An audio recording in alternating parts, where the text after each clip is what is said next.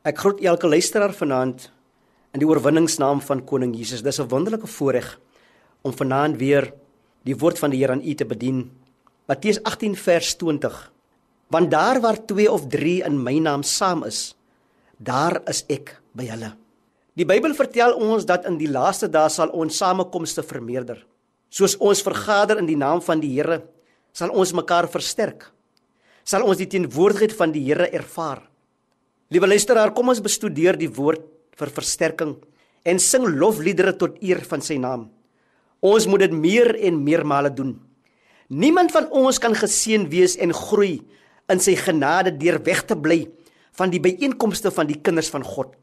Geestelike gemeenskap is die plan van God en was ingestel deur God. Ons moet vergader in die naam van die Here. Dra mekaar se laste en gee op die manier uitvoering aan die wet van Christus. Maar as ons in die lig lewe soos hy in die lig is, het ons met mekaar deel aan die dieselfde gemeenskap en reinig die bloed van Jesus, sy seun, ons van elke sonde. Watter vreugde is dit nie wanneer kinders van die Here saam vergader om mekaar te versterk en die ryklike seënings van die Here met ander te deel.